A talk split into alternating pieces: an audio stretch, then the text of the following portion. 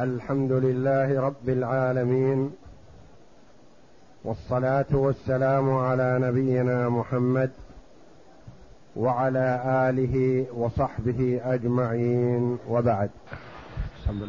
بسم الله الرحمن الرحيم الحمد لله رب العالمين والصلاة والسلام على نبينا محمد وعلى آله وصحبه أجمعين. قال المؤلف رحمه الله تعالى في باب الإقرار بمشارك في الميراث فإن خلف ابنين فأقر أحدهما بأخوين فصدقه أخوه في أحدهما ثبت نسب من اتفق عليه فصاروا كثلاثة أقر أحدهم بأخ الرابع فاضرب فاضرب مسألة الإقرار في الإنكار تكن اثني عشر. للمقر سهم من مسألة الإقرار في مسألة الإنكار ثلاثة وللمنكر سهم في مسألة الإقرار أربعة. ثم إن أقر المتفق عليه بالمختلف فيه. قول المؤلف رحمه الله تعالى فإن خلف ابنين أحدهما أقر بأخوين فصدقه أخوه في أحدهما ثبت نسب من اتفقا عليه. هذا أورده المؤلف رحمه الله تعالى تحت باب الإقرار بمشارك في الميراث. يسجل حصر الورثة بأسماء أشخاص موجودين عندهم يعرفونهم الشهود ولا يعرفون من عداهم. فالشهود غالبا من نفس البلد التي فيها المتوفى يعرفون ورثته الذين هم بينهم. وبعض الورثة يعرفون أن مورثهم سواء كان أب أو أخ أو عم أو ايا كان تزوج في بلاد بعيدة. وهل أنجب أو لم ينجب؟ هل ولد له هناك أو لا؟ يعلم بعضهم أنه أنجب ويعلم بعضهم أنه لم ينجب وبعضهم متوقف. يحصل هذا. فما الحكم إذا حصل مثل ذلك؟ ثم مثل المؤلف رحمه الله تعالى بهذا المثال. قال خلف ابنين. الميت خلف ابنين وخرج حصر الورثة في ابنين فأقر أحد الابنين في أخوين لهما جاءوا من بعيد. الثاني من الابنين يقول لا أنا ما أعترف إلا بواحد. فقط. أنا سمعت أن أبي تزوج من هناك وقالوا إنه ولد له ولد لكن الولد الثاني ما أعرفه. فما الحكم؟ هذا المثال.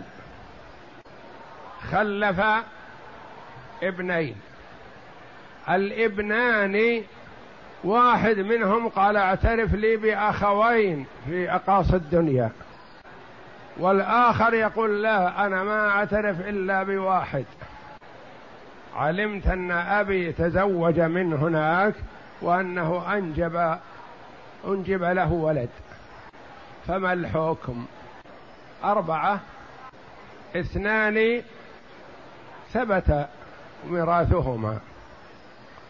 الثالث أقر به واحد من الاثنين وصدقه الثاني. قال ما دام أقر أخوي فهو صادق. ولا أنا ما أدري مثلا.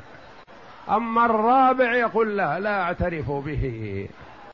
هذا المثال يكون معناه أن الميت خلف ثلاثة بيقين. يعني واحد من الثلاثة اعترف به أخواه وهم أصحاب المال فيثبت نسبه ويثبت ميراثه. الرابع من السلام من هؤلاء اعترف به واحد قال هذا أخي. الثاني يقول لا أنا لا أعترف به. الرابع هذا هل يثبت نسبه؟ لا. ما يثبت نسبه. هل يثبت ميراثه من كل المال؟ لا لأن أخوه الثاني يقول ما أعترف به. إذا ما العمال أربعة. اثنان اعترفا بواحد. والثالث الرابع ما اعترف به إلا واحد من الاثنين. نقول فيها مثل هذه الصورة نضع مسألتين. مسألة إقرار ومسألة إنكار. مسألة الإقرار كم فيها الورثة؟ أربعة. مسألة إقرار. الورثة فيها أربعة. مسألة الإنكار الورثة فيها ثلاثة. كيف نعمل؟ نقول مسألة ننظر بينهما. بالنسب الأربع. بينهما مباينة. ما فيه مماثلة ولا مداخلة. ولا مناسبة ولا م... تناسب بينهم أو يجتمعان في جزء من الأجزاء مثل أربعة أو ستة. كيف العمل؟ نضرب إحداهما في الأخرى. ثلاثة في أربعة باثني عشر. المقر نعطيه من مسألة الإقرار مضروبا في مسألة الإنكار. والمنكر نعطيه من مسألة الإنكار مضروبا في مسألة الإقرار. الأمر واضح. هذه فيها الورثة أربعة الإقرار والإنكار فيها الورثة ثلاثة. ضربنا الثلاثة في الأربعة كم صار؟ اثنى عشر. اثنى عشر. اللي أقر منين نعطيه؟ حسب إقراره. نعطيه حسب إقراره. أقر بمشاركين مع أخيه الموجود معه أقر بأنهم أربعة. نعطيه الربع. واحد في مسألة الإقرار مضروبا في مسألة الإنكار. كم مسألة الإنكار؟ ثلاثة. واحد في ثلاثة؟ بثلاثة. المنكر نعطيه من مسألته مسألة الإنكار. نعطيه واحد من مسألة الإنكار مضروبا في مسألة الإقرار الأربعة. واحد في أربعة بأربعة. انتهينا من هذا؟ بقينا في الاثنين. نأتي إلى من أقر به الإثنان نقول تقر بأخيك الرابع ولا لا؟ قال نعم أقر به.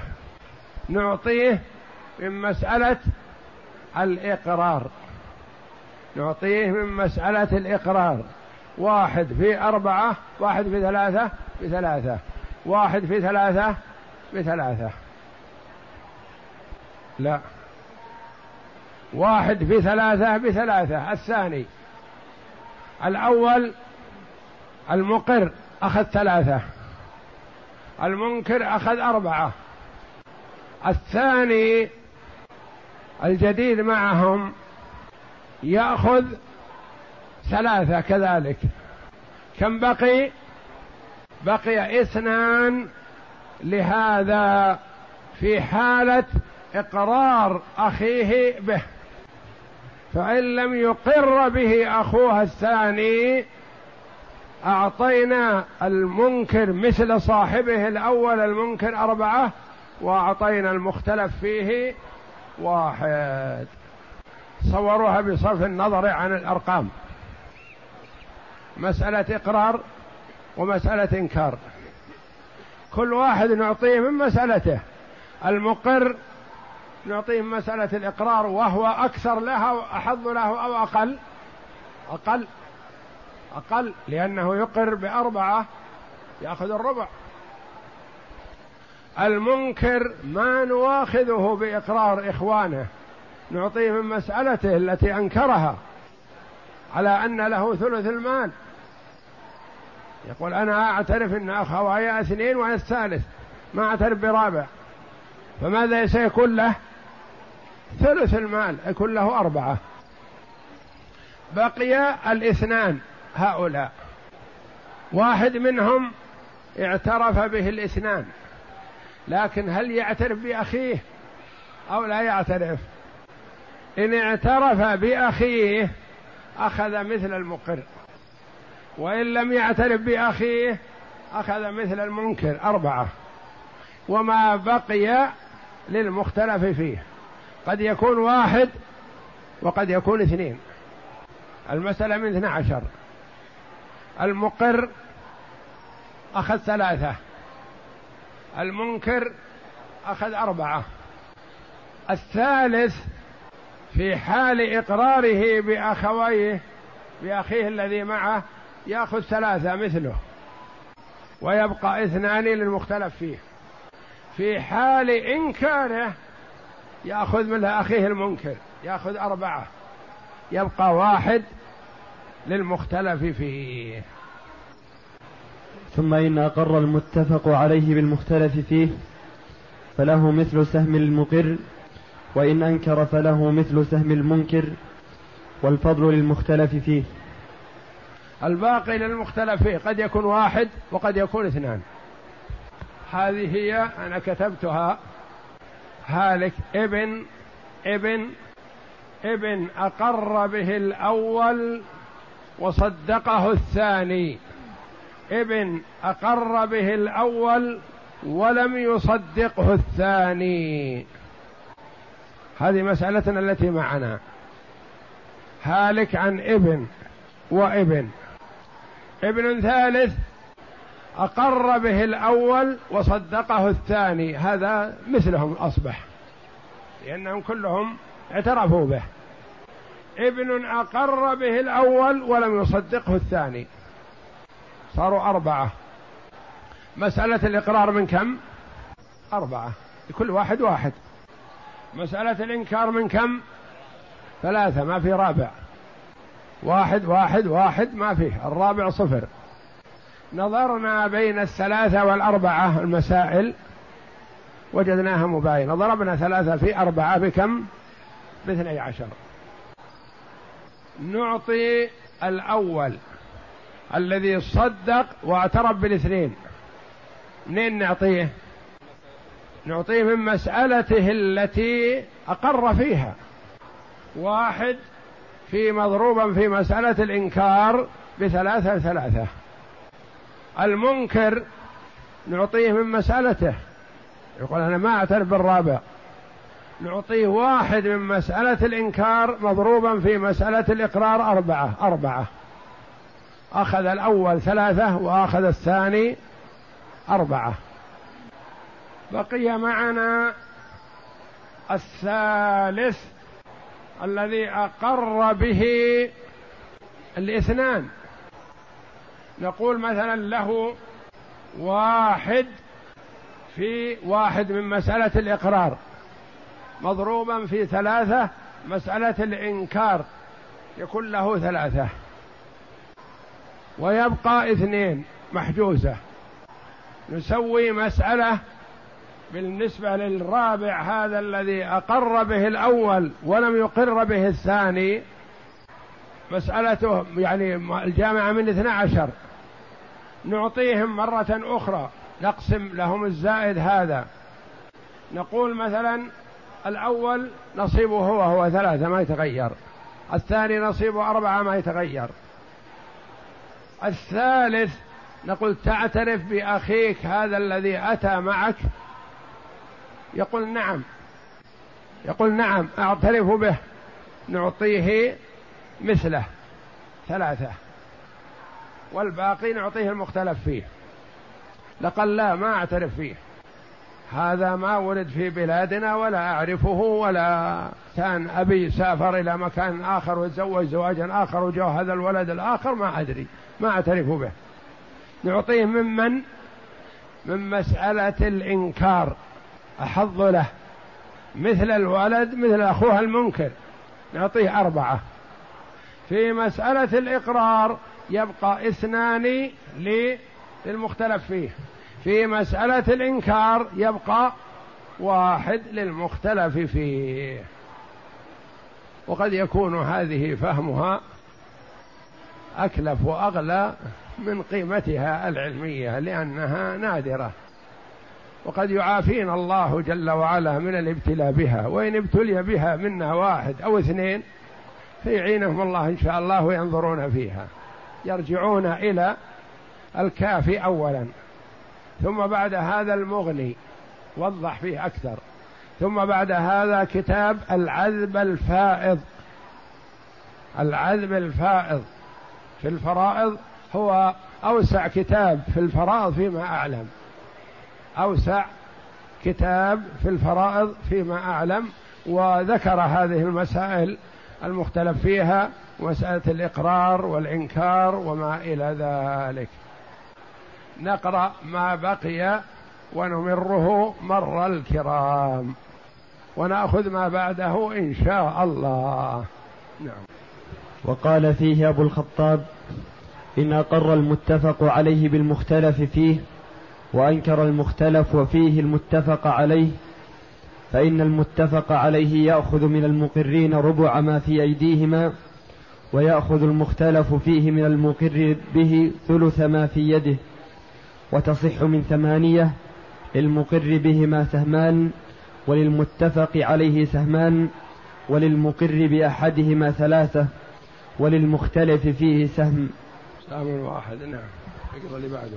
وإن كان الوارث وإن كان الوارث ابنا فأقر بأخوين بكلام متصل ثبت نسبهم ثبت نسبهما سواء تصادق أو تجح حكم فقهي. إذا كان الوارث الوارث واحد وأقر بأخويه معا إقرار واحد. ثبت نسبهما وورثا. كيف ثبت نسبهما؟ لأنه الوارث الوحيد. حال إقراره هو الوارث الوحيد. فيثبت نسب الاثنين.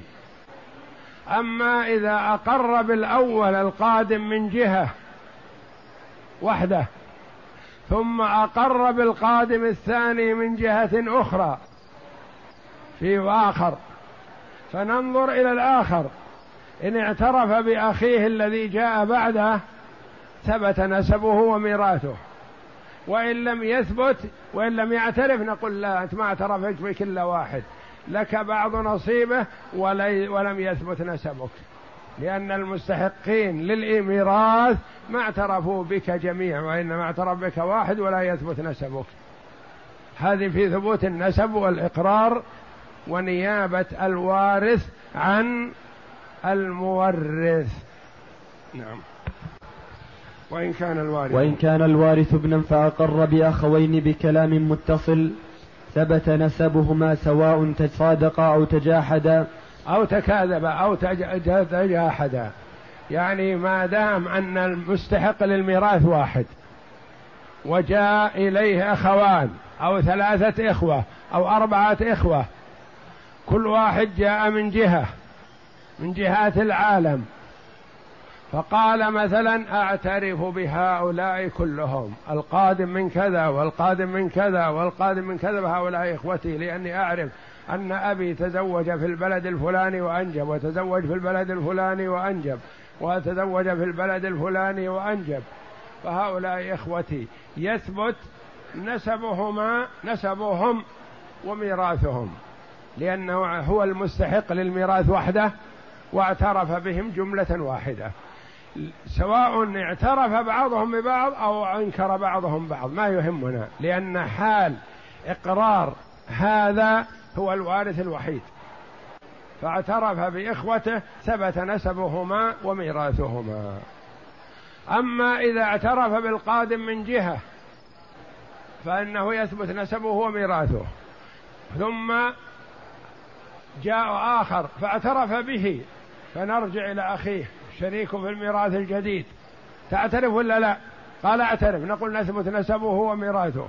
قال لا ما اعترف أنا ما أعرف إلا أن أبي أتى إلينا وتزوج بأمي وولدت بينهما ولا أعرف أن أبي تزوج في غيرها ويقول أولادي الآخرين في مكة. ولا أعرف أن له ولدا في غيرها. ما أعترف فلا يثبت ميراث الثالث ذا إلا في القسط. اللي يستحق من نصيب المقر ولا يثبت نسبه. نعم. وإن كان الوارث. وإن كان الوارث وإن كان الوارث ابنا فأقر بأخوين بكلام متصل ثبت نسبهما سواء تصادقا أو تجاحدا لأن تجاحد يعني أنكر واحد منهم الآخر. نعم. لأن نسبهم ثبت في حال واحدة بقول الوارث الثابت النسب قبلهم. كون الأول معترف بهم ثبت نسبهم وثبت نسبهم ثبت ميراثهم. نعم. ويحتمل أن لا يثبت نسبهما إذا تجاحدا لأنه لم يحصل الإقرار من جميع الورثة. وإن أقر بواحد بعد الآخر ثبت نسب الأول وأعطاه نصف ما في يده. ثم إن صدق الثاني بالثالث ثبت نسبه ودفع إليه ثلث ما في أيديهما. وإن أنكره الثاني لم يثبت نسبه ودفع إليه المقر ثلث ما في يده. والله أعلم وصلى الله وسلم وبارك على عبده ورسول نبينا محمد وعلى آله وصحبه أجمعين.